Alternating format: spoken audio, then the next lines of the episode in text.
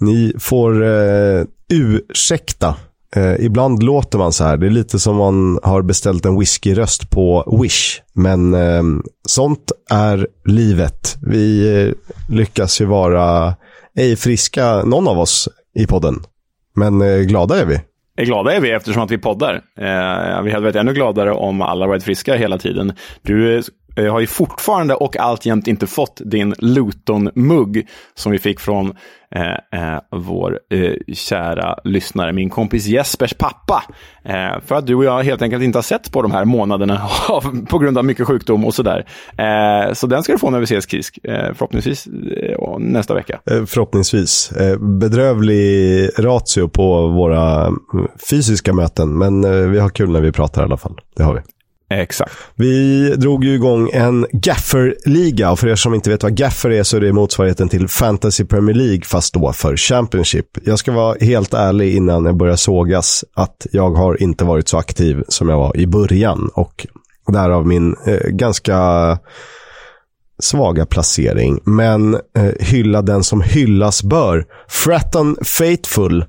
Jag gissar att det är en eh, pompig hjälte vi har här. Anton Jonasson, eh, hatten av. Du vann ligan. Ja, verkligen. Stort grattis till Anton Jonasson och Fratton Faithful. Eh, ska ju sägas att vi, vi eh, tyckte det var väldigt kul när det här drog igång. Eh, och förhoppningsvis kan vi göra något mer av eh, Gaffer och Fantasy Championship till nästa säsong. Eh, för det har ju varit kul. Jag har ju varit väldigt insatt i det här, även om jag missade pallplatserna. För på andra plats, där hade vi ju Hissingens stolthet av Anton Fjellner och på tredje plats Kinna, bara Kinna, av Simon Leppamäki. Så stort grattis till pallplatserna. Kisk, mitt lag, Breda Hangelands, vi kom på sjunde plats. Och ditt lag, AFC Ruffe, ja, du hamnade efter 20-strecket. Ja, men det eh, förstod jag nästan. För jag var inne och kollade för någon vecka sedan. Då hade jag ju halva startelvan helt ur form. De var inte ens kvar i Championship. Det var ju typ Pontus Dahlberg-nivå liksom. ja, det är starkt. Men eh, en eh, stor shout-out till Fratton Faithful, Hisingen Stolthet och Kinna. Förhoppningsvis eh, tävlar vi mot varandra även i höst i en ny serie.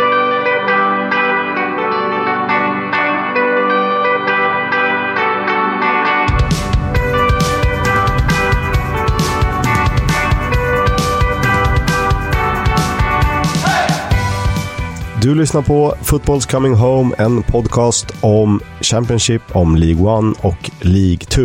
Football's Coming Home sponsras av Stryktipset, ett spel från Svenska Spel, Sport och Casino. För dig över 18 år. Stödlinjen.se. Jag heter Oskar Kisk och brukar tillsammans med min kära kollega leda den här podden och han får presentera sig själv.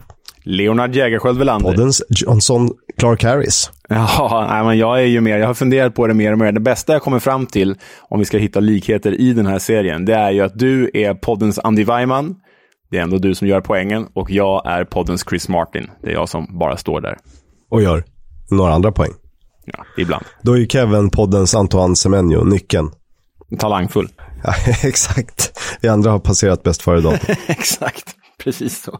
Vi har vansinnigt mycket roligt att prata om. Eh, vi gör som vi brukar. Vi börjar med eh, den senast spelade omgången i Championship. Sen kommer vi ge er vad som händer i League One och vad som har hänt i League One-playoffet. Vi kommer ge er League 2, dyka ner lite där. Framförallt kommer vi också eh, prata upp Championship-playoffet som ju börjar till helgen som kommer om du lyssnar på det här när det här släpps.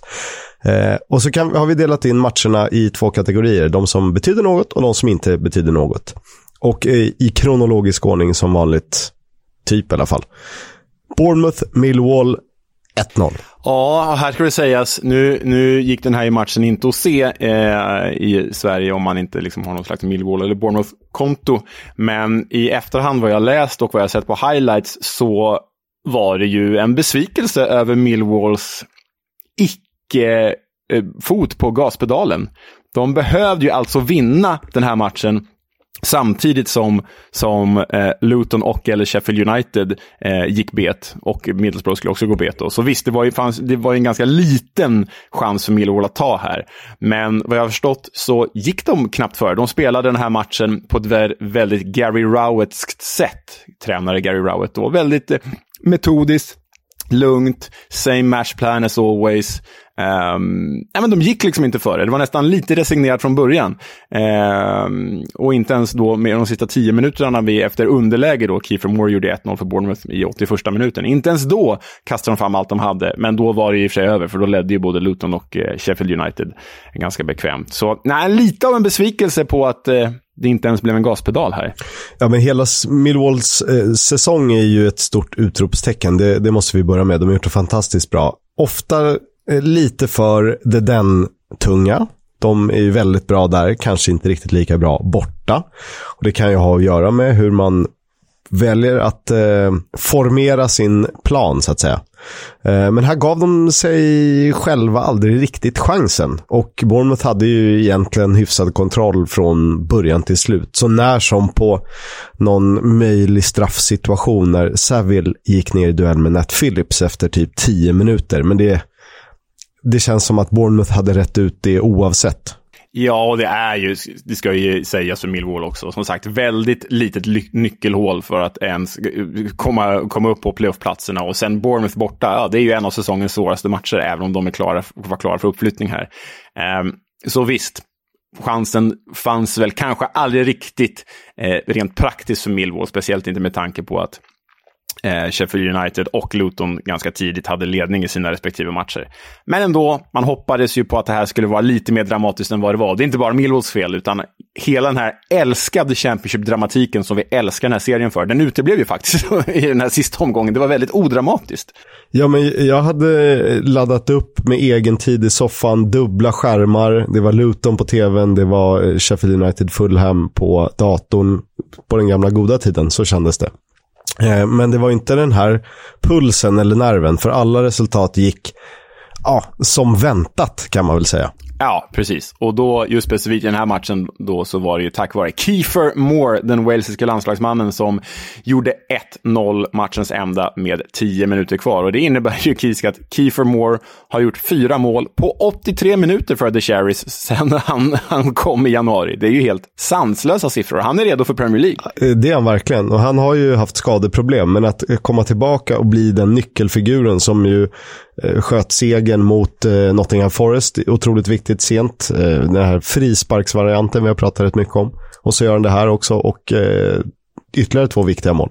Otroligt. Men sen kul också att vår danske vän Emiliano Marcondes, med det brasseklingande namnet, gjorde sin första start sedan januari. Ja. Hade en, hade en boll inne men vinkades tveksamt av för oss. Det där är ju en figur som faktiskt kan färga i Premier League också. Så med honom med sig upp så eh, mår nog Bournemouth ganska bra. Även om de behöver förstärka på flera positioner. Det återkommer vi till. Vi ska ju ge er eh, våra tankar om Bournemouths lag nästa säsong i Premier League, precis som vi gjorde med Fulham för ett par avsnitt sedan. Det här resultatet innebar ju då att Bournemouth slutade blott två poäng bakom Fulham och att Millwall till slut blev nia. De fick se sig passerade av Blackburn. Både du och jag såg väl Luton Reading Såklart, det, det fanns ju inget annat. Eller det fanns ju Sheffield United Fulham att kolla på också, men den avstod jag faktiskt, Fulham-supporter som jag är, och kollade på den här istället. Och eh, det ska ju sägas att Luton saknade en hel del eh, spelare, typ en halv eh, ordinarie startelva, men var ändå klart bättre mot Reading. Och det, jag tycker aldrig att det kändes riktigt farligt, även om de hade liksom, Ovie Jari hade någon hyfsad chans. Nej, men Luton hade ju full kontroll på den här festen. Borde ju gjort mer mål och det, det ska ju sägas innan vi kommer till det självklara att prata om här, som var en riktig groda av Reading-målvakten. Men utöver den grodan så gjorde faktiskt Örjan Nyland en stor match, framförallt i andra halvlek. Han gjorde ett par sinnessjuka räddningar i den andra halvleken. Ja, men han, eh, det är en bra målvakt på den här nivån. Mer än så kan man säga. Om, om man håller sig borta från, från sina regelbundna tavlor. Han har en ganska hög högsta nivå, men en väldigt, väldigt låg lägsta nivå. Så kan vi sammanfatta det. Han är en konstnär helt enkelt. Verkligen. För vad var det som hände? Ja, men, eh, om man kommer ihåg det klassiska klippet, typ eh, Arne Hegerfors fotbollsgrodor, eh, var det ju garanterat med på. Det är när eh, Dion Dublin snodde bollen av Shay Given. Vet, man dröjer sig bakom målvakten.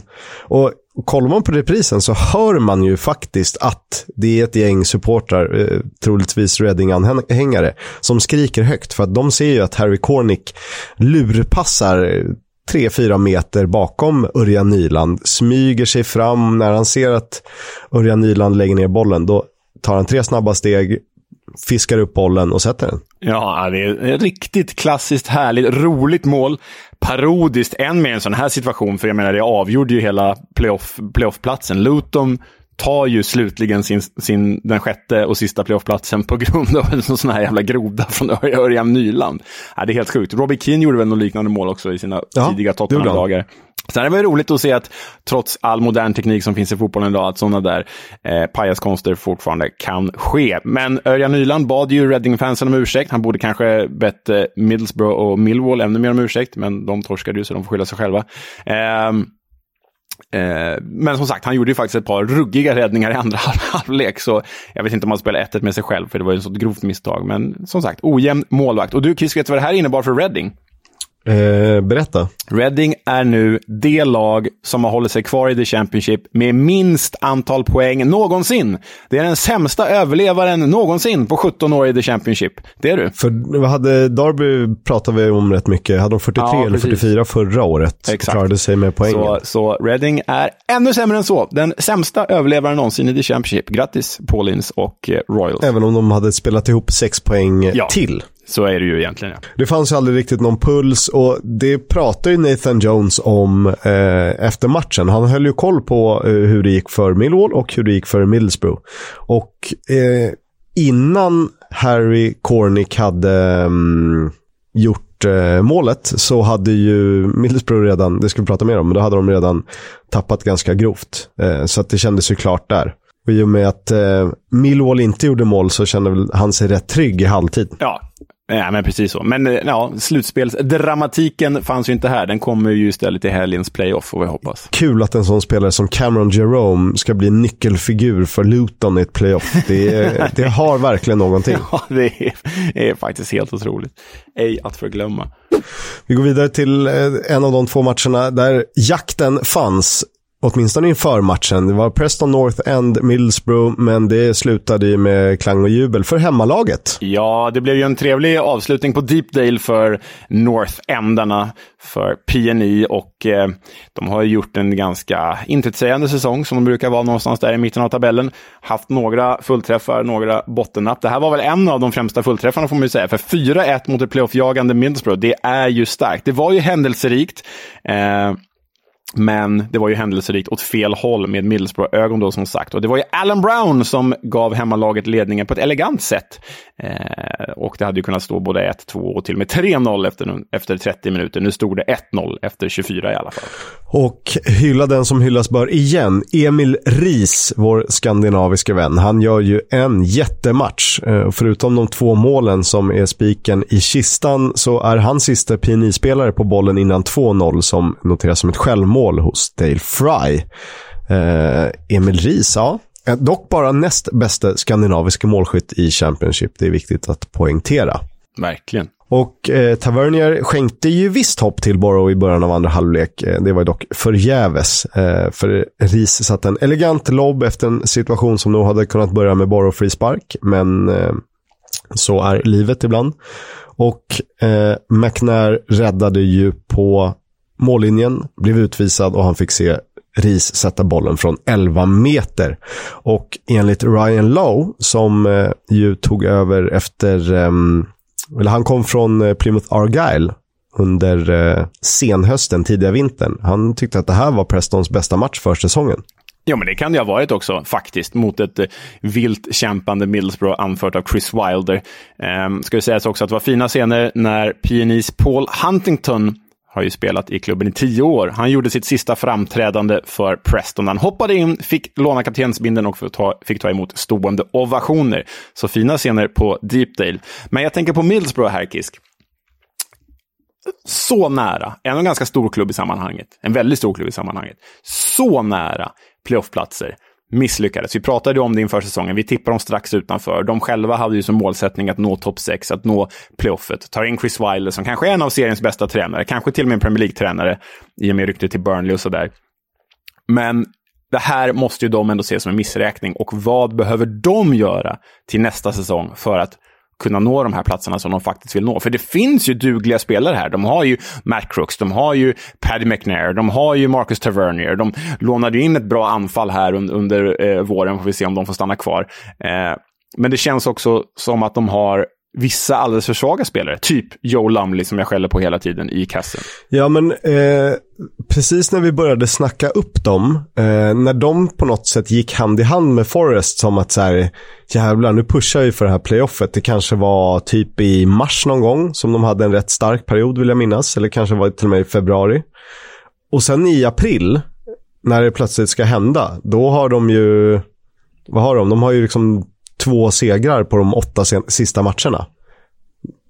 Det är helt enkelt för dåligt. Och det har liksom inte sett den här pulsen. Forrest har ju hela tiden pushat. Visst, de har förlorat matcher. Men den här energin de tar med sig in i playoff hade man ju ändå trott att Middlesbrough skulle kunna ha lite av i alla fall. Ja, men eh, inte. Det, det är någon liksom, jag ska inte säga pyspunka, men någon så här icke geist. Det är någonting som har saknats i Middlesbrough. De har saknat the extra man. De har saknat spelaren som kan göra det, det något annorlunda offensivt. Det är min känsla i alla fall.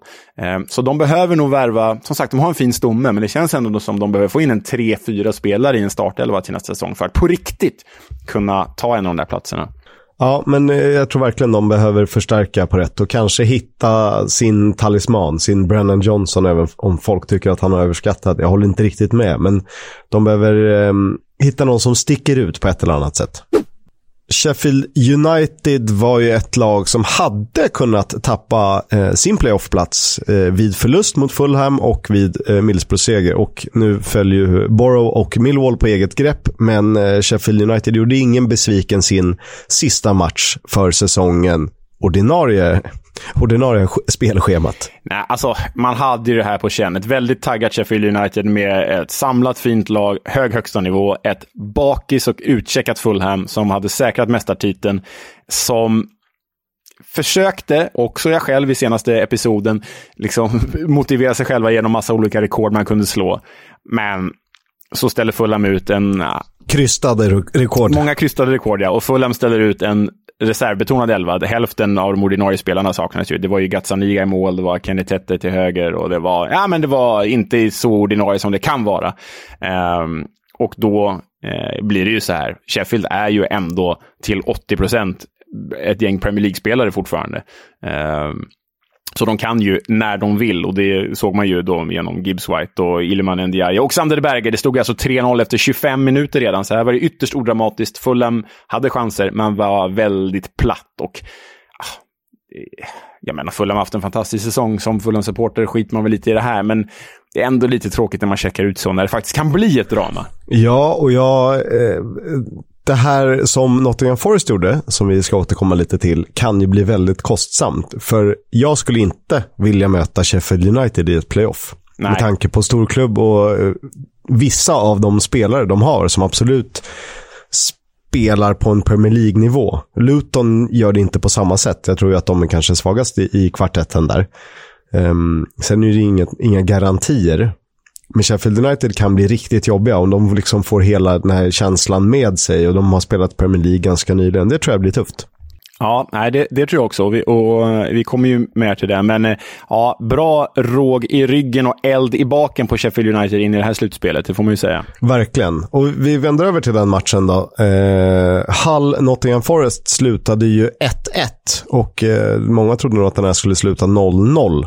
Ganska lågt tempo och Forest var väl eh, hyfsat nöjda eh, så länge de inte släppte in några mål. Eh, tilläts ha bollinnehav och så vidare. Ja, men du var inne på det nu, att det här kan bli väldigt kostsamt för Forest. Och jag tycker det är lite farlig balansakt av Forest här. För de vilar ju, som du har skrivit här i, i våra anteckningar, sju spelare i startelvan vilas i, i matchen borta mot Hall här.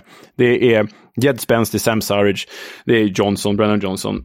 Um, och det innebar ju att de tänkte sig slå Hall eh, med en reservbetonad elva, eller till och med bara vara, var nöjda och spela av den här matchen, för de visste att oavsett resultat hade de playoff framför sig. Men det är ju en enorm skillnad, Kisk. Enorm skillnad, förlåt mot ditt kära Luton, men det är en sån stor skillnad på att möta sjätteplacerade Luton eller eh, femteplacerade Sheffield United. Det är en sån jäkla stor skillnad. Och det här resultatet innebar ju att Nottingham och Nottingham Forest faktiskt slutade fyra istället för tre. Hade de vunnit hade de ju slutat tre. Uh, och då Ja, och då få möta Sheffield United istället för Luton. Jag, jag, alltså, jag menar, de kan ju ryka redan här hade de, i, i, i, den kommande semin. Hade de gått in mot Luton, det är klart de kan ryka där också, men där har de varit gigantiska favoriter. Antagligen ha en lättare match på väg fram till, eh, till, till, final då mot ett Sheffield eller mot ett Huddersfield. Nu har de kanske den svåraste matchen inför en final mot Luton eller Huddersfield. Så jag menar, de kan vara slut redan där. Nej, det kan bli så jävla avgörande, för vi har inte ens berättat det. Forrest tog ju ledningen i 90 minuten. Men släppte in kvitteringen i 94. Hallå? Och, jag tror, eh, undrar om det inte var 93 när, ehm, eh, när Brennan Johnson förvaltade den straffen som eh, Surridge fixade genom att Tom Huddlestone, ikonen, hade gjort omkull honom. Eh, han firade ganska vilt Brennan Johnson inbytt och kastade i tröjan. Eh, det kanske han inte skulle gjort. För direkt på avspark drar Hall igång ett anfall som hamnar hos Louis Coyle till höger. Hans inlägg skär ju liksom igenom ett ganska nonchalant Forest-försvar och jag tror att det är en minimal touch från Keen Lewis Potter, vem annars, eh, som ställer Brissan by målet. Och så är det 1-1 i 94. Ja, och det är ju som sagt, kan bli så jäkla kostsamt. Och väldigt olikt Forrest att släppa in en sånt här mål un under Steve Coopers ledning. De har ju varit väldigt samlade. Det är ju seriens liksom typ starkaste defensiv. Eh, och det är ju seriens starkaste defensiv sen han tog över. Eh, så väldigt olikt Forest, eh, man firade för tidigt och det kan bli väldigt kostsamt. Sen får vi se hur de missade ju direktplatsen. De, alltså det var ju full fart framåt och så precis föll de på målsnöret. Man hoppas ju för deras skull inte att det sätter käppar i hjulet mentalt. Nej, det, och det kan ju göra det. Nu tror jag att Cooper har liksom bra koll på det här med sin rutin från tidigare playoff och så, med tanke på hur stabilt Forrest varit fram tills nu. Men ja, det, det, finns ju farhågor där. Vi ska ju prata mer om playoffet i ett lite senare segment. En liten detalj. Du nämnde ju Huddleston. Det här var hans sista match för eh, Hall. Hans kontrakt går ut och han får inte förlängt, tråkigt nog. Vi får se om karriären tar slut eller om han hamnar någon annanstans. Det borde ju finnas någon mysig klubb i League One som behöver hans tjänster. Derby kanske? Mm, verkligen. Eh, och det, som sagt, den här matchen betydde ju egentligen inte mer än att Huddersfield tilläts passera Forest. Eh, som sagt, man möter nog hellre Luton än Sheffield United i ett playoff. Och för Hull väntar en renovering i sommar när den turkiska ägaren Akon Ilicali får eh, fria händer på något sätt. Eller sagt att han ska splasha cashen över klubben i sitt första riktiga fönster som ägare. På tal om just Huddersfield då, så blev det en ganska bekväm resa i den sista omgången när de besegrade Bristol City med 2-0. Och vem om inte senvårens stora man, Harry Toffolo, gav klubben, eller laget ledningen. Mm, hans femte mål på de sju senaste för vänsterbacken, får vi kalla honom, eller wingbacken.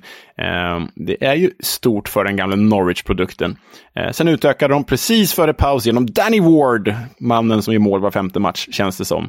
Eh, och Huddersfield trea vi kommer ju komma till det också, men vi tippade dem tredje sist inför säsongen, Kisk. De kom tredje först. Ja, eh, vi var nog inte ensamma, men vilken eh, sanslöst eh, stark resa. De slutar på 82 poäng, vilket är bara åtta bakom Fulham och så har de 12 poäng ner till sjunde platsen. Ja, oerhört imponerande. Hatten av Carlos Coberan oavsett om det blir Premier League eller inte. Och de, det känns som att de har kontroll över liksom 90% av matcherna de spelar. Ja, nej, men till och med när de möter Fulham så hade de ganska bra kontroll. Och här, jag menar, visst, det är Bristol City, ett lag som slutar på, klart på nedre halvan. Men Bristol City har ju en av ligans bästa offensiver. Hålla nollan mot dem, bara det är ett styrkebesked liksom. Så de är mycket imponerande, The Terriers. Sen vänder vi över till matcherna som inte betydde någonting mer än placeringar och eh, vi får väl respektera att det är så. Eh, Birmingham förlorade hemma mot Blackburn, Blackburn Christian Pedersen gjorde tröstmål, men dessförinnan hade John Buckley givit Blackburn ledningen och Ben Brereton Diaz, kanske med sitt sista mål för Rovers, eh, utökat. Det var ju två eh, drömmål. Det var ju en liten tävling i sociala medier. Vilket var snyggast? Det är svårt att välja. Mm, de kan vara värda att kolla in både John Buckleys och Ben Brereton Diaz. Jag väljer ju faktiskt John Buckleys, tycker jag är ännu läckrare än Diaz. Men båda mycket, mycket fina.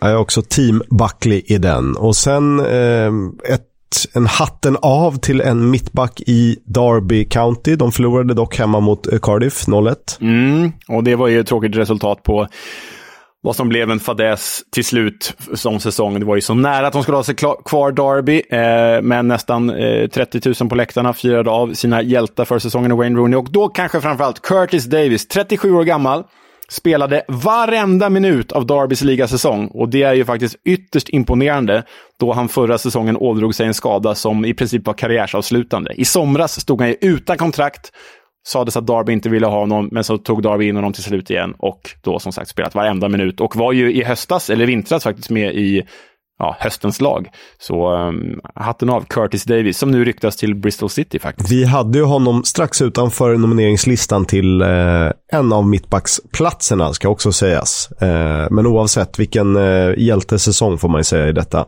krisande Derby.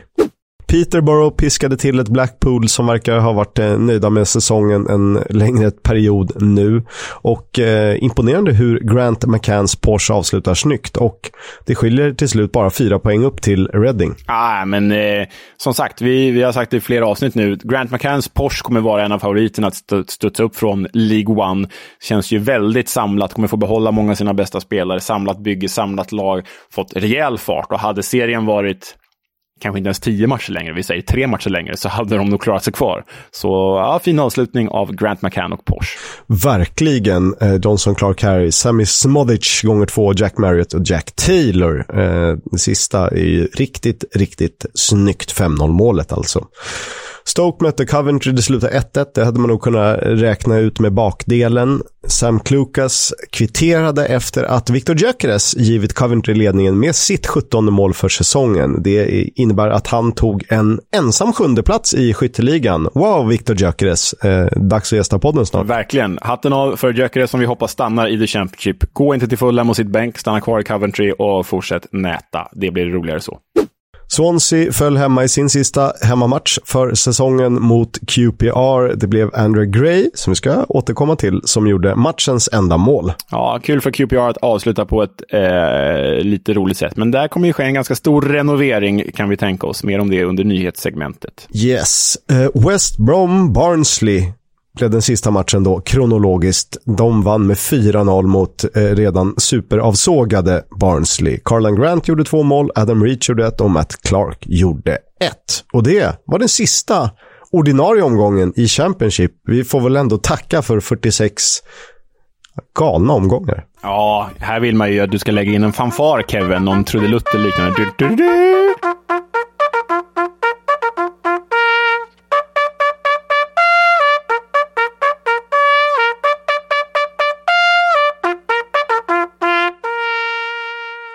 Bara att fira av de här 46 fenomenalt roliga omgångarna där vi hållit varandra i handen i både med och motvind och, och, och fått se massa roliga och härliga saker. Eh, men Kisk, vi tippade ju som sagt tabellen inför säsongen. Mm. Eh, jag vet inte om vi ska ta upp det, för det, det, det är inte jättepositiv läsning för oss, det är det inte. Um, Okej, okay, vi, vi, vi gjorde varsitt tips. Sen satte vi ihop de tipsen och eh, liksom skruvade lite så att det skulle eh, bli snyggt. Men i mitt tips så hade jag Fulham som etta. Bara för att kan jag få säga det? Ja, det, det, det får jag absolut säga.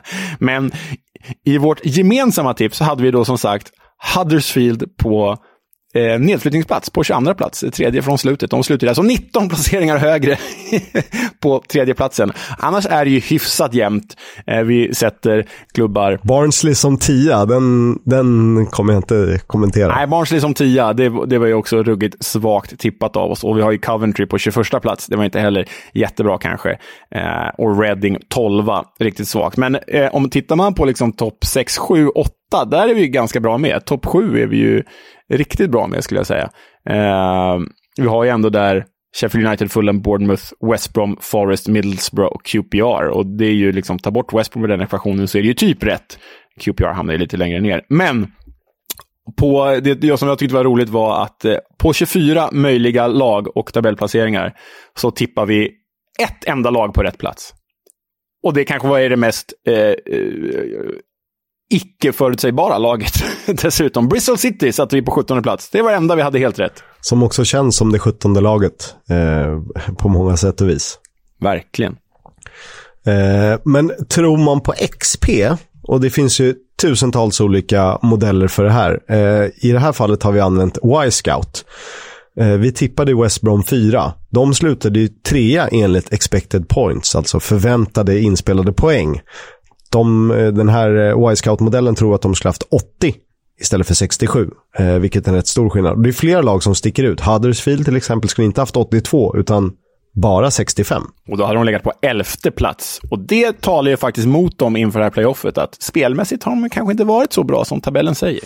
Ja, och sen kan man ju tycka vad man vill om det här, men det är ändå en, en beprövad modell och jag tycker Huddersfield ser bra ut, så att um, ja, Mm. Make of it what you want. Publiksnittet då, vilka har haft högst? Mm, det är ju faktiskt rätt imponerande skulle jag säga. Det är ju Sheffield United och Nottingham Forest eh, har ju haft ett snitt på över 27 000. Sheffield United vinner med 500 fler ungefär. Sheffield United bäst publiksnitt 27 611. Nottingham Forest näst högst 27 137. Men trean står ju kanske ut allra mest givet vilken säsong det har varit. Derby County, Kisk. Ja, det är ju vansinnigt imponerande. Och sen är det ju, ska man kanske titta på procent av arenan som är fylld. Ja, det blir ju det blir lite andra eh, förhållanden då till varandra förstås. Så är det ju. Och um, det finns ju lag som inte har slått... Om man kollar på Luton, de har bara 9857. Å andra sidan har de 96 procents beläggning av Kenilworth Road. Så att eh, i den änden är det ju vansinnigt imponerande. Om man jämför med till exempel Blackburn som bara säljer 45 procent av biljetterna. Precis, så det, är ju lite, det blir lite orättvist mot Luton som då alltså näst lägst publiksnitt i hela, hela serien. För de kan inte göra så mycket bättre än vad de har gjort. Det är ju liksom fysiskt omöjligt. Eh, samma sak gäller ju Bournemouth då som har alltså lägst publiksnitt i hela serien och de går upp i Premier League. Eh, så är det, men de har inte så stor arena heller, fyller ju 80% av platserna. Du talade om Bournemouth. Eh, jag tänker att vi ska tala lite mer om dem, precis som vi gjorde eh, med Fulham. Eh, lite dos and don'ts och, tankar om spelare som kan vara på väg bort eller som man bör vilja förlänga med. Om vi tittar på startelvan då. Mark Travers har ju, trots våra, farhågor inför säsongen, verkligen imponerat. Och hade det inte varit för Lee Nichols fantastiska säsong så är nog Mark Travers god tvåa som seriens bästa målvakt den här säsongen. Ja, enligt oss i alla fall våra lyssnare röstade ju fram Wes Fodringham. Men eh, om vi lägger in honom i ekvationen så är det ju topp tre målvakter i den här serien i alla fall. Och han bör ju vara redo för Premier League givet hur han har spelat. Hade varit kul om man fick den chansen. Sen är det ju den gamla bekantingen Adam Smith, eh, förflutet i Tottenham, var med upp i Premier League med Bournemouth eh, under Eddie Howe. Eh, Jack Stacey har även figurerat på den positionen, till höger i försvaret alltså. Eh, kanske att man behöver titta på ett annat alternativ där. Ja, det känns ju som att han är kanske lite utkänt, kanske lite, kanske lite förbi. Men de har ju haft Ethan Laird eh, inlånad också, inte fått spela så mycket. Det trodde man ju efter den fina hösten han gjorde i Swansea. Ja, det där tycker jag var, var väldigt konstigt att han eh, inte riktigt, han kanske inte passar in på samma sätt i, i ett eh, lite mer eh, låst Scott Parkerskt Bournemouth. Men eh, otroligt sevärd spelare ser backlinjen ut i övrigt då? Det är Nat Phillips och Lloyd Kelly som har spelat mest i mittförsvaret. Även Gary Cahill har ju eh, förekommit där. Och sen Jordan Semura till vänster. Och Lloyd Kelly som blev prisad i IFL Awards, eh, på IFL Awards, Eh, känns ju som att det är dags att eh, chansa, satsa lite på. Ja, alltså skulle de lyckas eh, behålla honom och lösa en förlängning av lånet på Nat Phillips från Liverpool så känns ju mittbacksbesättningen, i alla fall de ordinarie, hyfsat redo för Premier League. Skulle man förlänga dem med Gary Cahill som trea så känns det ganska bra ändå. Kanske att man vill ha någon lite bättre än Nat Phillips eh, där bredvid Lloyd Kelly. Det får vi se. Semura borde hålla. Sen har de ett sittande mittfält eh, med Jefferson Lerma och Lewis Cook. Och det här är ju Premier League-beprövat båda två. Har ju klarat sig hyfsat bra, men det känns i på den nivån. Men det känns som att man kanske behöver få in någon extra gubbe här, eller någon som placerar kanske Cook på bänken. Eh, och Lerma kan springa omkring och ta massa gula kort. Det känns som att eh, det behövs någon mer här i känslan på det sittande mittfältet. Mm. Eh, sen har ju eh, offensiven funkat väldigt, väldigt bra och Dominic Solanke, det här är ju lite make it or break it. Det är hans eh, riktiga, riktiga chans att eh, bevisa sig i Premier League. Nu har han gjort, eh, hur många mål blev det till slut? Blev det 29 för honom? 29, ja. Det är ju klart godkänt i Championship, det är till och med mycket väl godkänt. Eh, hade det inte varit för Alexander Mitrovic galna form så hade det sett ännu bättre ut. Eh, men på kanterna då, Ryan Christie och Jadon Anthony har varit eh, mest spelade. Sen har ju även eh, Jamal Lowe spelat en hel del. Med Philip Billing som någon slags eh, offensiv mittfältare mellan dem. Ja, eh, och Seriki Dembélé har ju även spelat en del kant sen han värvades från Peterborough. Och här känns det ju som liksom anfallet med Solanke och Kiefer Moore, där behöver de inte göra någonting. Kanske att man behöver, och Billing är ju en, en absolut en Premier League-mittfältare, klass, skulle kunna gå in i ganska många mittenlag i Premier League redan nu, men Christy Anthony, där behöver man förstärka, är ju känslan. Ja, eh, kanske hitta någon av lite högre, jag tänker en så här Emmy Buendia som är lite, har lite stjärnstatus runt sig och så att du kan få en rotation. Det har ju ryktats lite. Josh Bowler, en sån från Blackpool som gjort det väldigt, väldigt bra under Neil Critchley. Ja, och eh, han skulle vara spännande att se i Premier League. Det är ju, han är ju väldigt lik, eh, varför tappar jag namnet på honom nu, för eh, West Ham eh, mittfältaren som kom från Hull för några år sedan som har varit så bra. Jared Bowen, ganska lik honom, lik honom med spelartypen. Sen ryktas det också om att eh, Bournemouth ska köpa loss Todd Cantwell som varit inlånad från Norwich. Bra värvning. Kan användas på flera olika positioner där. Och gjorde ju succé i Premier League för två, tre år sedan med Norwich. Tre år sedan är det väl. Och sen har jag också ryktats om Joe Rothwell från Blackburn. De ville köpa in honom redan i januari, men eh, det gick inte att lösa då. Och eh, vi ska prata mer om honom i nyhetssegmentet. Men eh, det är flera andra klubbar intresserade, men Bournemouth i egenskap av Premier League-klubb borde ju ha lite företräde. Och kring målvakt då, Dean Henderson, United, tidigare Sheffield United. Ja, vi är ju överens om att Mark Travers skulle klara sig bra här, så det här känns ju som ett eh, lite taskigt rykte mot Mark Travers. Dean Henderson ryktas ju även till Fulham. Det känns ju mer motiverat att han skulle peta Mark Rodak än Mark Travers, tycker i alla fall jag. Men visst, det är ju en kvalitetsmålvakt oavsett om man hamnar i Bournemouth eller Fulham. Håller med. Och i, ibland kan man ju, skulle man ju vilja applicera handbollsmodellen, vila i frid eh, Bengan förstås, men eh, delat målvaktsledarskap. Eh, tänk att ha två exakt lika bra målvakter som spelar mer eller mindre varannan match. Så gjorde ju Napoli, ser jag, förra säsongen med David Ospina och Alex Meret. Den här säsongen har ju Meret tabbat sig, gjorde så att Napoli missade eh, guldchansen till slut. Så, men förra säsongen spelade de ju typ 18 eh, matcher var i princip. Ja, det gick väl ändå okej. Okay. Ja, absolut. Kort om Bournemouth i alla fall. Vad de har i kikaren. Eh, kommer säkert eh, vara ganska stabila under Scott Parker, men eh, förstärka behöver de. Det är dags att dyka ner i det playoff som redan har påbörjats, konstigt nog datummässigt. Men det är League One-playoffet och vi har ju fått vår final.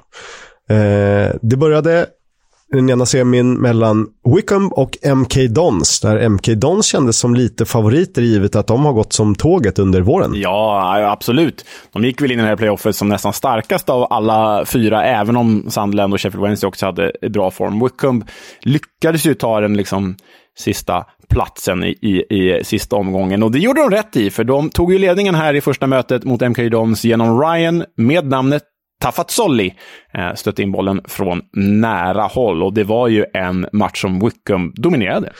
Det var ju det. Eh, 6-1 i avslut på mål till slut eh, och det som blev lite avgörande var väl att Josh McEachran tog sitt andra gula eh, i 69 minuten. Han spelade alltså MK Dons, vilket tillät Wickham Wanderers att ta över än mer på Adams Park.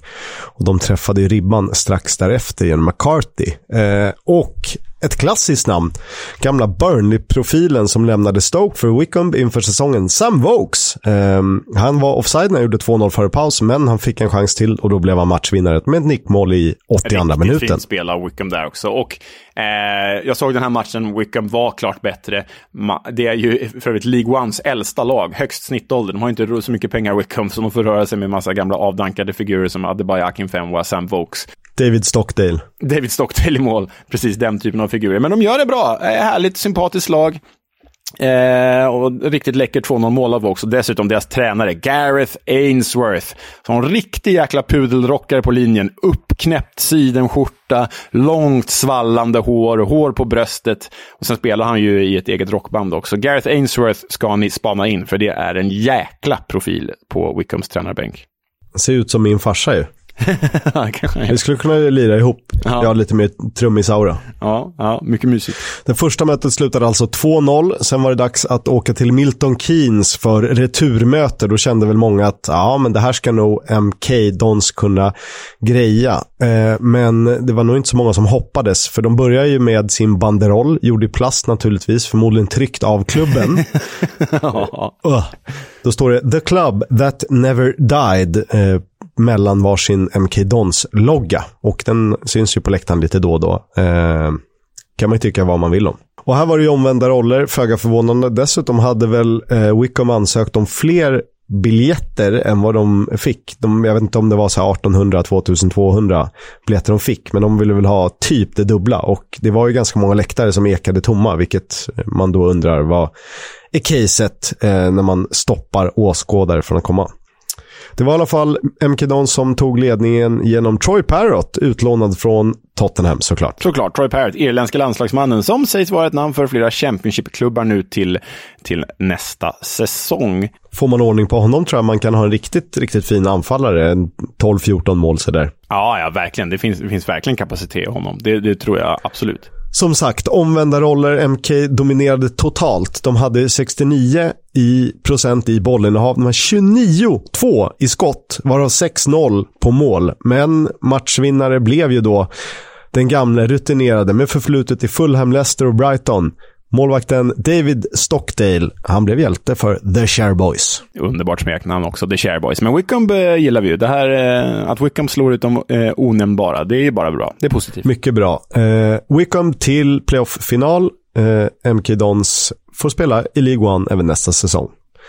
I den andra semifinalen så var det ju stor möten då på den här nivån får vi säga. Sunderland mot Sheffield Wednesday. Ja, och det var ju Sandland-dominans hemma på Stadium of Light. Ett fint tifo där ena långsidan hade gjort så här ett svart kattansikte med lysande eh, illgulgröna ögon. Inför rekordpublik 44 742. Det högsta någonsin i en Football League Playoff-semi. Så det var häftigt. Det var häftigt. Och den eh, katten var ju riktad mot eh, spelartunneln. Så när de gick ut så såg de ju bara den här eh, något skräckinjagande Mm. Nej, häftigt. Där gjorde de bra i, i grej av sitt smeknamn The Black Cats. Ross Stewart sprang sig fri efter att ha snott bollen och krånglade sen in 1-0, vilket ju blev matchvinnande i den här matchen. Sen hade ju Alex Pritchard, ytterligare en gammal Tottenham-talang, det känns som jag hakar upp mig. Eh, han hade goda chanser att utöka, ribban var dock i vägen. Jag vet inte om du tänkte på det, men eh, Alex Pritchard, eh, har man ju alltid sagt, han, han som du sa, Tottenham-talang, slog igenom i Norwich sen och sen har det dalat. Men kommentatorn som var engelsk, han sa inte Pritchard, han sa Pritchard. Alex Pritchard. Oerhört eh, märkligt. Har diskuterat med mina kollegor på jobbet här som också såg matchen. Pritchard. Mycket Pritch märkligt. Pritchard. Är någon sån gammal greve som gör en cameo i eh, Morden Midsummer? Ja. Welcome Sir Pritchard. Ytterst märkligt. Han har ju rivit av hälften av de klubbarna vi har pratat om i, i podden den här säsongen. Peterborough har varit i, Swindon, Brentford, West Brom, Norwich, Huddersfield och nu i Sunderland sedan ett år tillbaka. 1-0 slutade på Stadium of Light, sen vände det till hemmafavör för Sheffield Wednesday och eh, det blev dramatiskt i den ja, matchen. Verkligen. Lee Gregory gjorde 1-0 för The Owls på gamla anrika fina Hillsborough. Då var det bara en dryg kvart kvar av matchen. Eh, 74 minuten gjorde ju Lee Gregory mål då. Och där kändes det verkligen som att Wednesday hade flytet och hade kunnat ta det till förlängning, till och med kanske avgöra innan. Sido Berraino hade ju något halvinlägg som ställde till det för Sunderland-keepern. Men Fulham-fostrade, jag måste ju också när jag får chansen Kisk, Fulham-fostrade Patrick Roberts som haft samma konstiga karriärbana som Alex Pritchard han satte kvitteringen och sköt Sunderland till final på Wembley. I, i 93 minuten. För det, och det kändes ju verkligen som Wednesday hade ju det där segermålet, 2-0 målet, eller utökande målet, eh, på gång. De hade trycket eh, på hemmaplan såklart. Men det var ju eh, lite härligt firande.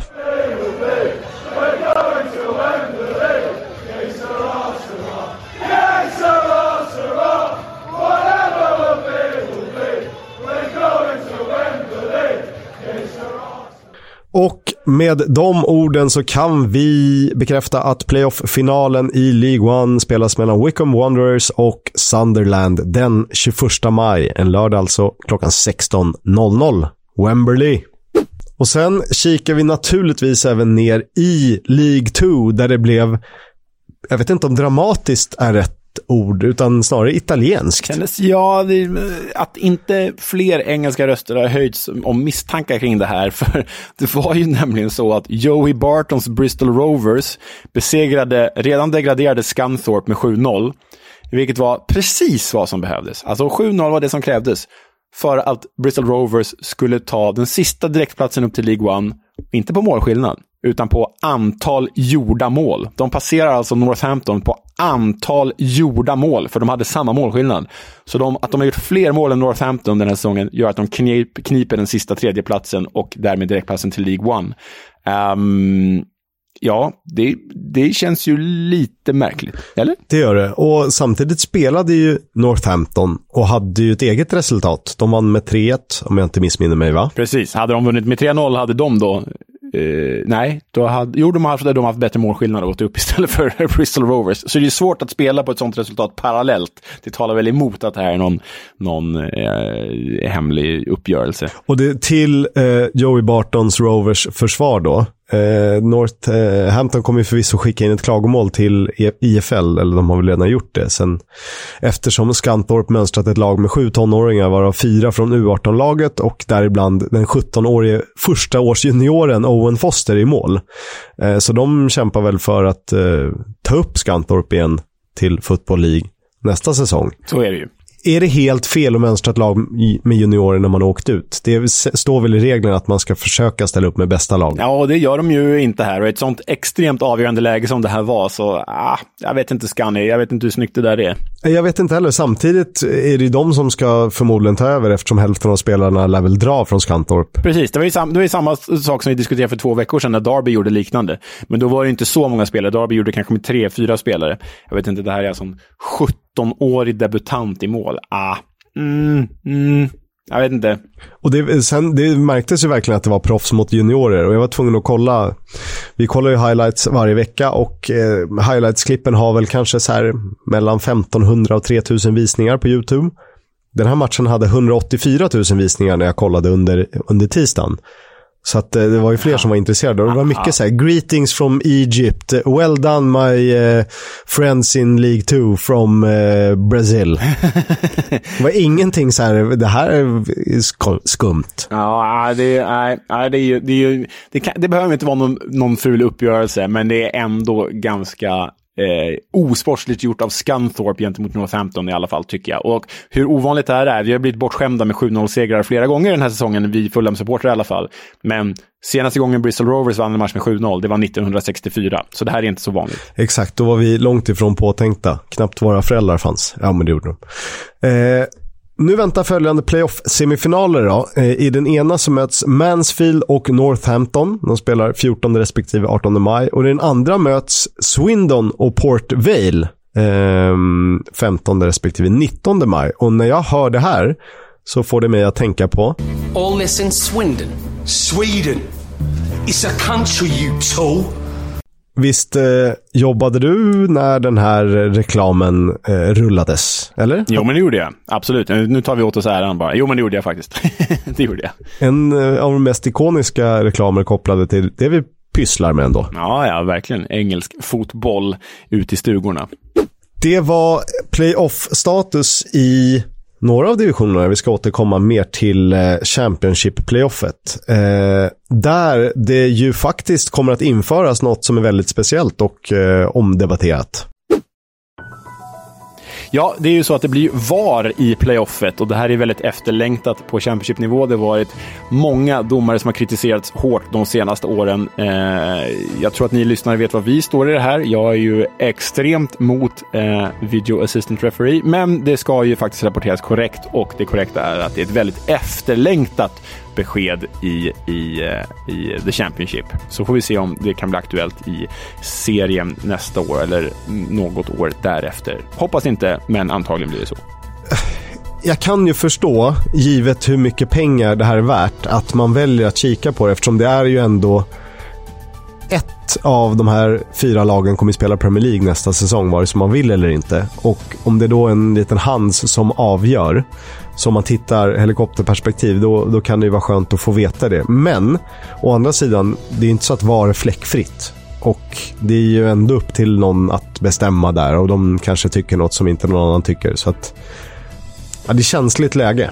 Ja, men framförallt den, den invändningen, ja, alltså att det blir mer korrekt med VAR, det råder inget tvek, tvivel om. Det jag ogillar med VAR är att det förändrar sporten. Det blir ett helt annat tempo, man kan inte vara säker på, på vissa givna situationer längre. Eh, det tar mandat från domaren och därmed den mänskliga faktorn. Ja, det är sånt, vi behöver inte fastna i en VAR-diskussion, men jag är ju inte emot det av, av eh, korrekthet, utan jag är ju emot av att det, det gör fotbollen till en annan sport än vad den har varit väldigt länge när jag träffade Jonas Eriksson, Nottingham Forest-supporten Jonas Eriksson. Och han, som ändå erkänt ganska duktig domare på väldigt hög nivå, ställer sig otroligt tveksam till hur VAR fungerar och hur det har sett ut med VAR de senaste åren. Ja, då måste jag ändå eh, hålla mig på hans tvivlande sida. Ja, verkligen. Det är ju en, en allvetande röst om något i den här frågan. Till Hall då, där ägaren Akon Ilicali vill bjuda fansen på semester till Turkiet. Han ska ta med 500 Hall-supportrar som flygs direkt i privatjet från Humberside till Antalya. Och som tack får de också bo femstjärnigt i fem nätter. som en eh, hyllning till deras stöd. Mm, så köper man eh, supportrar. Ja, lite så. Eller verkligen så. Joe Rothwell, som vi har nämnt i Blackburn, han har gjort starka 3 plus 10 på 41 matcher den här säsongen. Han kommer lämna Ewood Park i sommar och Bournemouth, som vi nämnt, eh, uppges vara favoriter till att värva honom. Men det finns konkurrens från Nottingham Forest, Sheffield United och West Bromwich Albion. Två av tre lag där, ja, med möjliga chanser på Premier League då alltså. Andre Gray, som precis avslutat sitt lån i QPR, har ett kontrakt med Watford som då löper ut i sommar. Nu tros Preston North End bli nästa klubbadress för anfallaren, som ändå får kallas pålitlig i straffområdet. Där kommer han då att sällskapa Shed Evans, eh, som, eh, ja, och vad är speci eh, lite speciellt med det? Shed Evans är ju tidigare dömd för våldtäkt och Andre Gray har ju en historia av att ha talat nedlåtande om både kvinnor och homosexuella. Så det kan bli en eh, spännande anfallsduo inom citationstecken. Vidare eh, QPR-nyhet. Charlie Austin lämnar också QPR. Mycket tråkigt denna QPR-legend. Vi får se var han hamnar till slut. Ja, det är en spelare som eh, man ju han håller ju ändå nivån på något sätt. Sen kanske inte riktigt eh, där, men han har väl i paritet med hur QPR har presterat över säsongen, när vi summerar deras eh, år, så har, är han ju på den nivån. David Marshall, eh, en annan kille med en egen nivå, han uppges återvända till Skottland när nu kontraktet med QPR inte förlängs. Hibernian sägs ligga bäst till för den tidigare skotska landslagsmannen som inledde karriären i Celtic. Och är han då de irländskt katolska klubbarna trogna i Skottland då alltså? Fulham förlänger eh, med två spelare, Tim Ream och Neskens Kebano. Eh, de utnyttjar optionen på de två spelarna, vilket innebär ett års förlängning på respektive på jänkaren i backlinjen och på kongolesen på det offensiva mittfältet. Jag blir mycket glad över bägge. Tim Ream är väl perfekt eh, trea, fyra i back eh, i, av liksom fyra mittbackar och Neskens kommer ju vara utmärkt att ha och slänga in om inte som starter. Rotationen är på gång i Swansea med tio namn på väg bort. Ben Hamer och Corey Smith är bekräftade. Jandanda, Bennett och Fulton ses också göra dem sällskap iväg från Wales. Också även då nytt ägarskap på gång i Birmingham. Det här har gått väldigt fort. Klubben är ju till salu. De nuvarande ägarna är ju extremt kritiserade. Det var ju protester nu under sista omgången från fansen ånyo. Och eh, det finns flera intressenter. Det senaste ryktet är att Maxi Lopez, kommer ni ihåg honom? Den argentinska anfallaren med blont hår och hästsvans som fumlade omkring i Barcelona och som sen gjorde en hyfsat gedigen karriär i Serie A med Catania och eh, Sampdoria bland andra. Han leder ett konsortium som kan vara på väg att köpa Birmingham. Om det är bra eller inte, det återstår att se. Alltså det är bra så länge inte Vanda Nara, numera Vanda Icardi, är involverad i affären. Så känner man ju. Precis. Precis. Deadlinen för Chris Kirchners exklusivitet på att köpa Darby har löpt ut och nu kan nya intressenter anmäla sig i den här soppan. Anledningen till att det har tagit tid är att tidigare ägaren Mel Morris vägrar låta Pride Park ingå i försäljningen av klubben. Snackas då om att han vill sälja den separat eller hyra ut den medan Kirchner har föreslagit att klubben då kanske får dela arena med typ Coventry eller Leicester. Och jag tänker, nu är året 2022 och har man lyssnat på The Club, där vi går igenom en klubb varje säsong. Det här har ju liksom kännetecknat 10-12 klubbar Exakt så här, någon gammal trasig ägare som har kvar arenan som sen hyrs ut, alltså fuffens affärer och sänker klubben ännu mer istället för att liksom inse att man har gjort fel och kanske försöka rädda lite heder. Så det här är ju Mel Morris sista sätt att få ut några pengar ur den här affären, men han gör ju sig, han är ju redan persona non grata i Derby. Vill han bli det liksom på livstid i staden också? Som jag har förstått det är ju Mel Morris en man av Derby, en supporter av Derby County. Att han då vägrar låta arenan ingå, det hindrar ju uppenbarligen en försäljning. Eh, och därmed så sänker det ju faktiskt den klubb han säger sig älska. Det, det, det är ju, det är han håller ju, genom att inte låta arenan ingå i, det här, i den här överlåtelsen så håller han ju klubben som gisslan. Ska Darby helt plötsligt åka till Coventry eller Leicester för att spela fotboll? Äh, fy fan Mel Morris. Se dig själv i spegeln och raka dig och skaffa en Den sista galne ägaren i Championship är bevisligen inte född.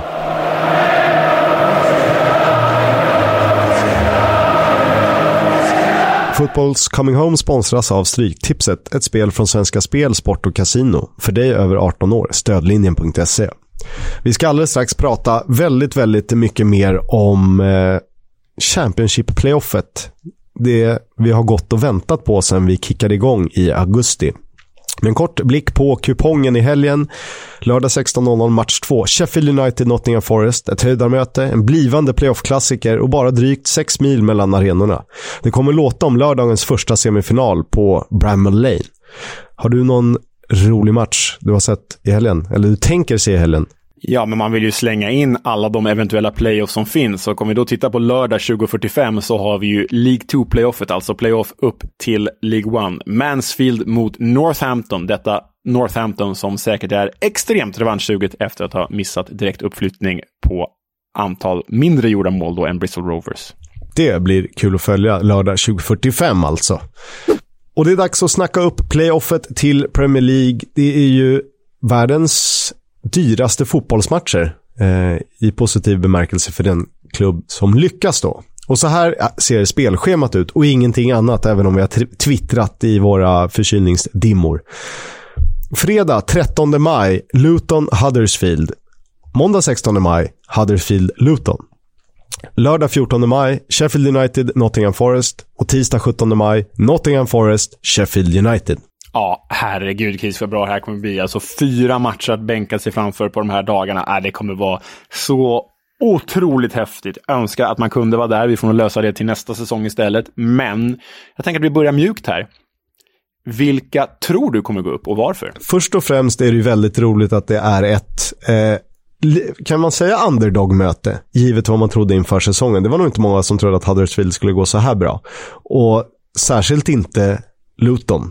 Så att då har vi lite underdog med sin egna modell. Sen har vi liksom stormötet som vi ändå måste säga. Det är ju två viktiga klubbar i engelsk fotbollshistoria, Sheffield United mot Nottingham Forest. Så att det inte bara blir att det är två givna favoriter i varje, även om Huddersfield får tillskrivas favoritskapet i den ena semifinalen. Men om vi säger vilka tror vi går upp?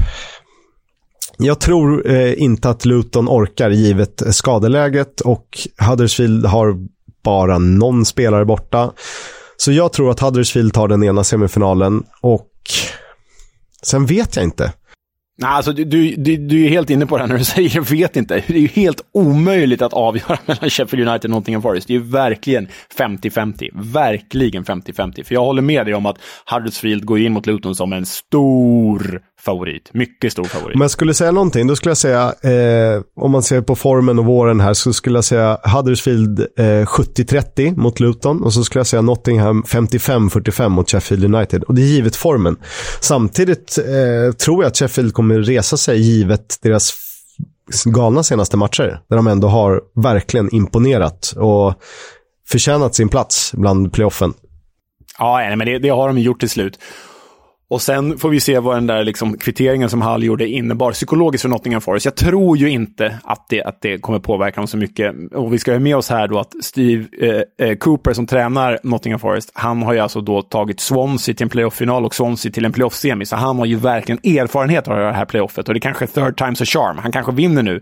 Men, men eh, ja, jag är nog med dig. Ska jag liksom tippa här och nu, då blir det Huddersfield mot Nottingham Forest i final. Ja, det är tråkigt att ta trean mot fyran, men eh, eftersom vi har sett rätt mycket så eh, vet vi ungefär hur de spelar. Men oh, Sheffield United blir farliga att möta och de kommer ånga igång. Och nästa fråga då, vilka vill vi ska gå upp? Här tycker jag att det finns två svar. Man behöver inte hålla med mig, men jag tycker att det finns två svar. Där det självklara svaret som alla borde känna och tycka, det är ju Luton förstås. Denna samsaga, liksom minst budget tillsammans med Blackpool i, i The Championship.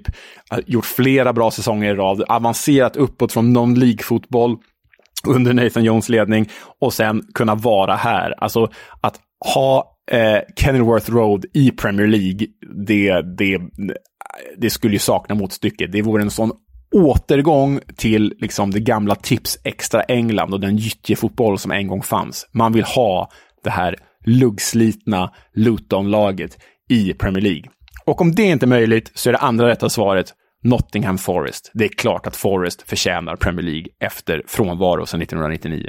Ja, eh, men, eh, jag kan inte beskriva det bättre själv. Och sen tycker jag om Luton lite givet deras fina arena.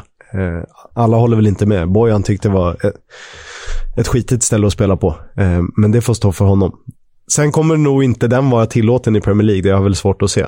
Så att de kanske tvingas på flykt hos rivalerna Watford. Ja, det vore ju deppigt om det skulle vara så, för då försvinner ju halva grejen med, med sannsagan blir sann, men de får inte spela på sin luggslitna arena.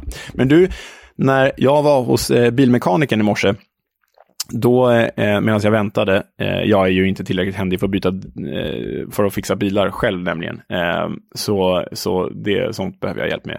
Eh, men när jag var där och väntade så gick jag igenom alla Championship-säsonger och eh, skrev ner då vilket lag som har gått upp respektive säsong. Och det har varit 17 Championship-säsonger. Och det är ju, jag vet inte om det är dessvärre eller dessbättre, men det är ju så att trean i playoffet, alltså den som kommer på tredje plats i eh, Championship-tabellen, är ju stor favorit att gå upp.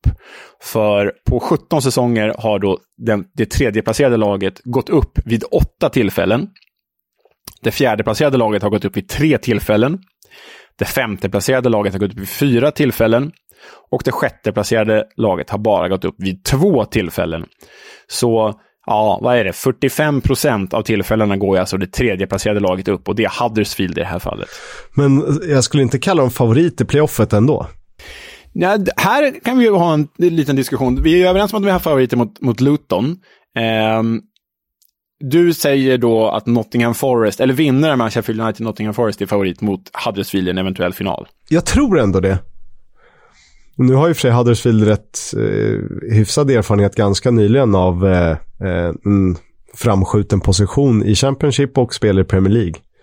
Men ändå, det är liksom det här med traditionstyngd klubb eh, som liksom väger över för mig på något sätt. Det kan ju också vara ett ok på ett lag, över ett lag att säga, åh nej, vi måste prestera för att vi är den här stora klubben. För att vi är Forest eller Sheffield United så måste vi vinna det här. Medan lag som Luton och Huddersfield kan bara, ja ja, vi har allt att vinna. Ja men Luton har ingenting att förlora. För om de eh, förlorar med liksom 7-0 mot Huddersfield, då kommer de ändå ha gjort sin liksom bästa säsong på väldigt, väldigt, väldigt länge. Och det var typ åtta år sedan de spelade conference-fotboll. Precis. Jag tänker ju att Huddersfield går in som favorit i hela det här playoffet. Sämre trupp än både Blades och Forest, absolut. Men av den anledningen att jag tror att de kommer nog ändå hyfsat bekvämt plocka bort Luton. Medan Sheffield och Nottingham måste stånga sig blodiga i sitt dubbelmöte. Så vinnarna av Sheffield och, och Nottingham kan vara ganska trötta och ha det ganska jobbigt inför finalen som komma skall, där Huddersfield kan stå redo och bekväma. Det, det är min spaning och det är därför jag tycker att Huddersfield går in som favorit. Hade Nottingham och Huddersfield bytt plats med varandra, så att Nottingham hade tagit tredjeplatsen och mött Luton istället, då hade jag tänkt samma sätt, på samma sätt där, att Nottingham hade varit favorit av den anledningen. Många tankar och män som diskuterar hur det ska gå i fotbollsmatcher. eh, hur har det gått i fotbollsmatcherna? Jo, Luton och Huddersfield spelade 0-0 på Kenilworth Road och på Kirklees så vann Huddersfield med 2-0. Det känns ju typiskt Huddersfield, så Harry Toffolo gjorde säkert något av målen. Precis, och formen är ju faktiskt hyfsat god för de bägge. Och tittar man på de fem senaste matcherna kommer Luton in i det här med tre vinster, en oavgjord och en förlust. Och det är inte fy skam, dock målskillnad 4-8. Ska dock sägas att sju av de målen kom i förlustmatchen mot Fulham. De har ju faktiskt hållit nollan i tre av de här fem matcherna och slagit Nottingham Forest. Det som talar emot Luton, det är skadelistan. Peter Kioso, Fred Onyedinma, Elijah Adebayo, den viktiga målskytten, Luke Berry, James Shea, Pelly Roderick Pansu, Gabriel Osho och Jed Steer. Alltså två målvakter borta. Eh, det ser väl lite bättre ut för Huddersfield. Ja, och där är det så att Huddersfields form, de är obesegrade på de fem senaste, till och med obesegrade på de sju senaste. Men på de fem senaste har de fyra vinster, en oavgjord och målskillnaden 10-4. Och det, det som blir tungt är ju Sorba Thomas, men i övrigt är laget intakt och jag tror på att den här idén som Carlos Corberan byggt upp eh, är så pass tydlig så att de kommer klara den då. I övrigt finns inte Matty Pearson, Ryan Schofield eller Alex Vallejo med i åtminstone det första mötet. Nej, och enligt Corberan så är ju både Dwayne Holmes och framförallt Louis O'Brien redo att spela semifinalen mot Luton. Det är ju oerhört viktiga nyheter för The Terriers. Matt Ingram som nödlånades in från Hull tros få chansen i mål och sen är det väl så att Bradley var tillbaka senast. Sonny Bradley, alltså vår Frej-bekanting. Eh, Alan Campbell var tillbaka senast när de vann mot Reading. Eh, plus några mer spelare. Eh, så det blir väl ungefär som det har varit tidigare. Cal Naismith spelar, han är ju viktig. Amari Bell är bra, Campbell är bra. Eh, Harry Cornick är bra och Cameron, Cameron Jerome är ju rutinerad om inte annat på topp. Mm. Och så Huddersfield då väntas ju ställa upp med en 4-3-3 med eh, Lee Nichols i mål och sen en fyrbackslinje då med Turton, Lees, Colwell och Harry Toffolo. Sen då tre man i mittfältet Russell, Hogg och Lewis O'Brien och längst fram luxemburgaren Daniel Sinani, Danny Ward och Dwayne Holmes. Det är ju, som det är med Huddersfield den här säsongen, inte många som sticker ut men ett jäkla lagbygge. Känns något, något starkare än Luton. Om vi kollar på Sheffield United Nottingham Forest då, så har båda mötena slutat 1-1 den här säsongen. Och eh, det känns ganska talande för vad vi kan förvänta oss gällande någon förlängning eller två. Ja, ja, verkligen. Det, det, är ju, det andas ju det in i det här mötet, helt klart. Och sen då har vi ju Sheffield Uniteds form på de fem senaste. De har vunnit tre, spelat en oavgjord, förlorat en. Målskillnad 10-4, precis som Huddersfield hade sin semi, inför sin semi. Och ska ju sägas då att Sheffield United ju nitade Fulham senast med 4-0. Eh, skadelistan då, Billy Sharp, Ollie McBurney, Charlie Good, Jaden Bogle, David McGoldrick, Rian Brewster och Jack O'Connell. Det är många offensiva pjäser som hade kunnat vara aktuella för speltid. Ja, verkligen. Och det känns ju nu som att det är precis nu de har lyckats hitta en ersättare till Billy Sharp, Ilman Ndiaye. Um, så det är ju tur för dem. Men de har ju ingen offensiv bredd in i det här dubbelmötet. Det har de inte. Det hade nog varit skönt att kunna slänga in en Billy Sharp åtminstone sista 20 i båda matcherna. Vi får väl se om det är möjligt. Forest då, de har vunnit tre, kryssat en och förlorat en. Bland annat mosat Swansea och slagit Fulham borta på de fem senaste målskillnad 8-3. Skadorna är inte lika många som eh, vare sig eh, Sheffield United eller Luton, men de är tunga. Steve Cook kanske hinner eh, spela, komma till spel, men han har ju haft skadeproblem. Sen har vi då Lewis Grabben, Keenan Davis, Max Lowe, även Jack Colback tveksam. Det här är ju ja, men ordinarie pjäser hela gänget. Det är tunga, tunga tapp för Forest. Ja, tappar de både Low och Callback, eh, då har de ju ingen stabil på vänsterkanten som de hade kunnat räkna med. Och Lewis Grabben och Keenan Davis, visst, Brennan Johnson funkar som anfallare, Sam Surridge är bra, men ändå, det blir tufft. Verkligen. Det var vårt uppsnack inför playoff. Jag börjar redan känna mig lite nervös. Ja, vi kan gå igenom älvorna också, eh, Blades och, och, och, Forest, vad vi kan vänta oss för spelare. Absolut, och i Sheffield United så blir det Fodderingham i mål med största sannolikhet. Eh, något annat var konstigt. Sen Basham, Egan, Robinson i backlinjen. Eh, Fyrmanna mittfält med Osborne, Norwood, Fleck och Stevens eh, med Philip Billing framför sig. Och på topp då, Ilman NDI och talismanen Morgan Gibbs White. Ja, men det är ett jäkla bra gäng och de ställs då troligtvis mot eh, Forest med Brissamba i mål, trebackslinje med Jeff McKenna, Joe Worrell och kanske då Steve Cook. Sen har vi då mittfältet, eller vad man säger med wingbacksen, med Jed Spence och Jack Colback, kanske, inom parentes på Jack Colback, med på varsin kant. Centrala mittfältet, eh, Yates och Garner. Sen framåt då Philip Sinkernagel, Brennan Johnson och Sam Surridge. Ja, det här är ju en höjdare. Man kan ta på känslan. Ja, men det... Ja, det är mm, otroligt fint kommer det vara. Oj, oj, oj. Jag ska kolla på alla fyra. Flera gånger om känns det som. Exakt så får det bli. Och eh, vi ska ju göra ett avsnitt om det nästa vecka, såklart. Och prata ner det. Och då återvänder också The Club. Men eh, ett eh, segment som vi aldrig tar bort, det är såklart veckans Warnock. Have a chat about the fucking game. About your game, last few months, last few weeks. Fucking character. Neil Warnock är ju en man för rampljuset och efter att han nu har slutat eh, inom citationstecken ska han ut på turné. Han ska ta över ett gäng teatrar i England och eh, frågan är kan vi få honom till Stockholm med Are You With Me? Det vore ju, det vore ju fint. Får ringa honom efter det här. Men idag ska vi bjuda på en klassiker som jag tror att vi har kört i sociala kanaler. Som en liten hyllning till Scott Parker och hans fina jobb med Bournemouth eh, som han tog upp i Premier League och naturligtvis alltid en hyllning till The Streets. By the time you get to Saturday night and you're drinking a beer or having a little bit of Chinese, you're all of a sudden thinking about Monday morning and what the next game is. We live in a world and we live in a profession where you win a game, you lose the next one, and you're deemed as a failure, and you realise that you always have to be at the top of it and always planning. So, look, I, not for me. I, I, I, hope that after tomorrow I can just sit down with a family. I can sit down with my wife and kids who probably for the last year at times have been on eggshells at different moments and just get their husband back and get their, get their dad back and just does the, the, things what I want to do really. And without sounding a little bit cheesy and a bit thingy, that's I suppose that's it and I hope we can do that. Ja, charmig han. Ja, det där är ju från då när han gick upp med Fulham senast. Minns det där eh, väl. Mycket trevligt var det och ganska rolig tolkning med The Streets också. Eh, jag unnar Scott Parker och The Streets all lycka. Hörni, eh, tack för att ni lyssnade idag och Leo, det är väl din tur att berätta om en klubb nästa vecka? Ja, så det är dags för dig att ge mig någonting. Give me what you got. Oj, oj. Va? Jag kommer inte ens ihåg vad vi har gjort. Så många har vi ju. Eh, det är väl eh, 24 klubbar i Championship plus ett gäng ner i League One. Vad tänker du själv att du skulle vilja göra? Nej, men jag, jag är öppen för alla förslag. Vet du. Det är bara släng det på mig så tar jag det. Okej, okay, så att ni får lite känsla lagom till playoff-finalen i League One då. Vad tror ni om att höra Leo göra Wickham Wanderers? Oj, oj, oj, oj, den blir rolig. Den tar jag gärna emot. Kul! Finfina Adams Park i High Wickham. Over and out. Hej, hej. Upptäckta vägar. De han tar När det regnar kallt. Och ibland när kampen leder ända fram. Då ses vi på lördag.